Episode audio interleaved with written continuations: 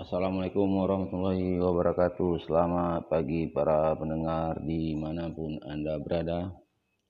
Pada hari ini tanggal 28 September 2020 hari Senin eh, Kota Dumai pada pagi hari ini nampaknya cerah.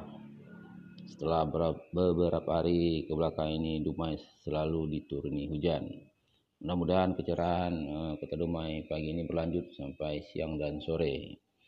Karena hari ini adalah hari Senin maka keadaan atau aktivitas daripada warga agak sibuk sedikit karena awal dari pekerjaan karena Sabtu dan Minggu kemarin sudah banyak yang libur dan untuk Kota Dumai uh, pada libur kemarin banyak dikunjungi oleh para warga dari Pekanbaru karena jalan tol Dumai Pekanbaru sudah bisa digunakan dengan secara gratis selama satu bulan. Mudah-mudahan dengan dibukanya jalan tol uh, Dumai Pekanbaru bisa meningkatkan aktivitas warga dan meningkatkan pertumbuhan ekonomi bagi kedua belah pihak baik dari Pekanbaru maupun dari Dumai. Karena kelancaran transportasi salah satu penunjang daripada pertumbuhan ekonomi.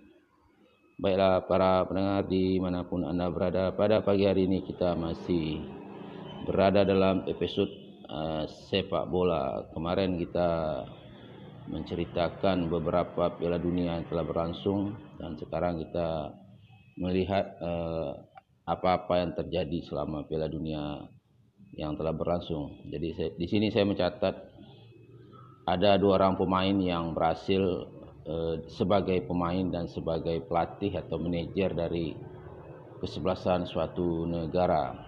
Eh, banyak pemain-pemain lain untuk mencoba, tapi baru dua orang ini yang berhasil. Yang pertama yaitu Mario Zagallo dari Brazil dan yang kedua Franz Beckenbauer daripada Jerman. Mario Zagallo pada tahun 1958 adalah anggota dari tim Brazil yang meraih juara dunia untuk pertama kali di Swedia. Dan keberhasilan Mario Zagallo tidak hanya sebagai pemain pada tahun 1970 uh, Mario Zagallo ditunjuk oleh Federasi Persatuan Sepak Bola Brazil untuk menjadi pelatih dan Mario Zagallo berhasil menjalankan tugasnya dengan baik dan berhasil membawa Brazil menjadi juara dunia yang ketiga kalinya dan membuat Piala Julius Rimet menjadi mereka menjadi milik mereka untuk selama-lamanya. Dan keberhasilan daripada Marisa Gallo inilah yang membuat Franz Beckenbauer ingin untuk menyamai rekor seperti Marisa Gallo.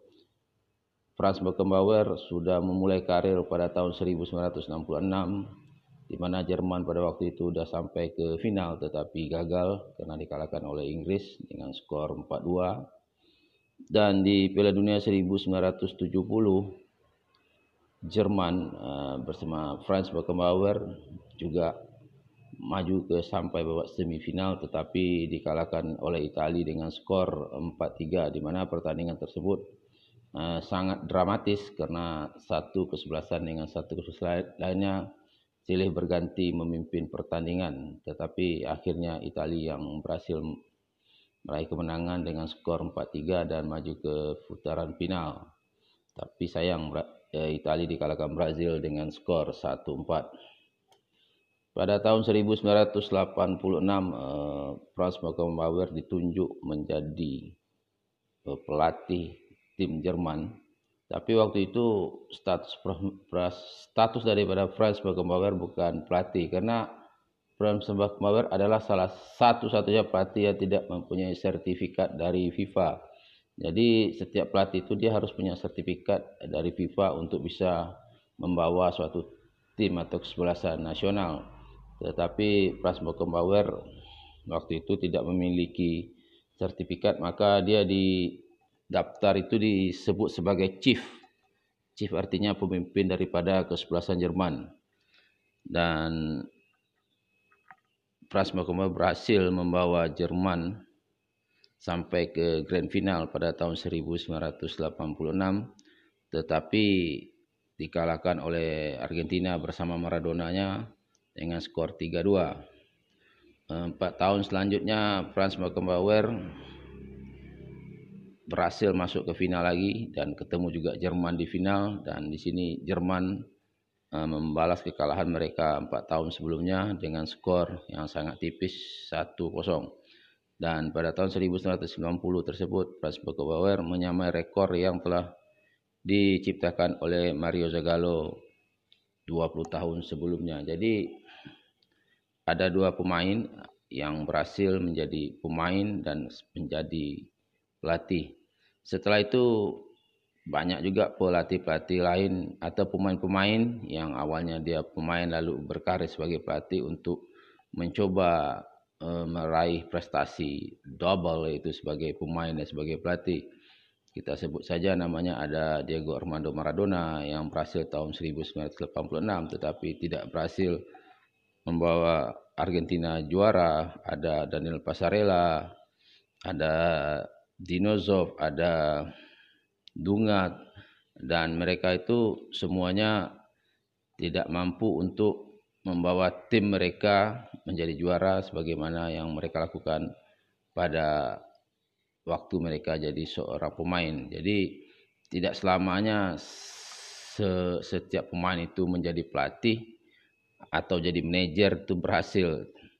Memang ada beberapa orang karir daripada pemain ini setelah menjadi pemain dia menjadi pelatih dan dia juga mencapai prestasi yang cukup lumayan. Tetapi kalau kita perhatikan dan kita lihat pemain-pemain tersebut eh, tidak beberapa orang atau boleh dikatakan agak jarang karena melatih dan bermain ini agak berbeda sedikit.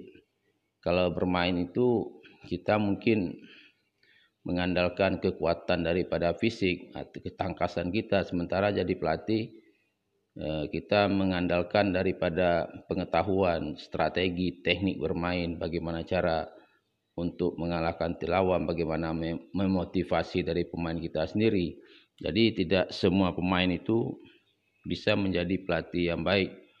Memang eh, peluang untuk menjadi pelatih yang baik itu di tangan pemain itu lebih mudah sebenarnya karena mereka sudah punya pengalaman.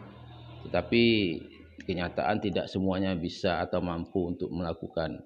Dan kita lihat banyak juga pelatih yang berasal tidak dari pemain hebat tetapi dia bisa membuat tim atau kesebelasan dia bermain secara bagus dan bisa meraih prestasi. Inilah yang dapat kita sampaikan pada pagi hari ini tentang Eh, pemain dan pelatih daripada sepak bola yang khususnya yang terjun di Piala Dunia tahun 1930 sampai 200 2018 kemarin.